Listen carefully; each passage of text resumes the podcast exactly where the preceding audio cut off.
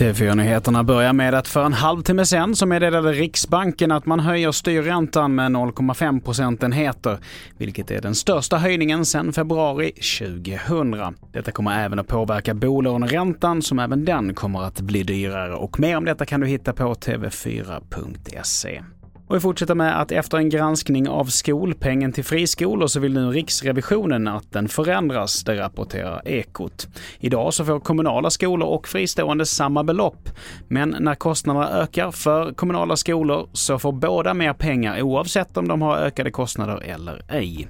Förslaget nu för en mer likvärdig skola är att det blir ett fast schablonbelopp för friskolorna. Och till sist, för att elbåtar ska kunna bli en vanligare syn på svenska vatten så krävs det bättre laddningsmöjligheter.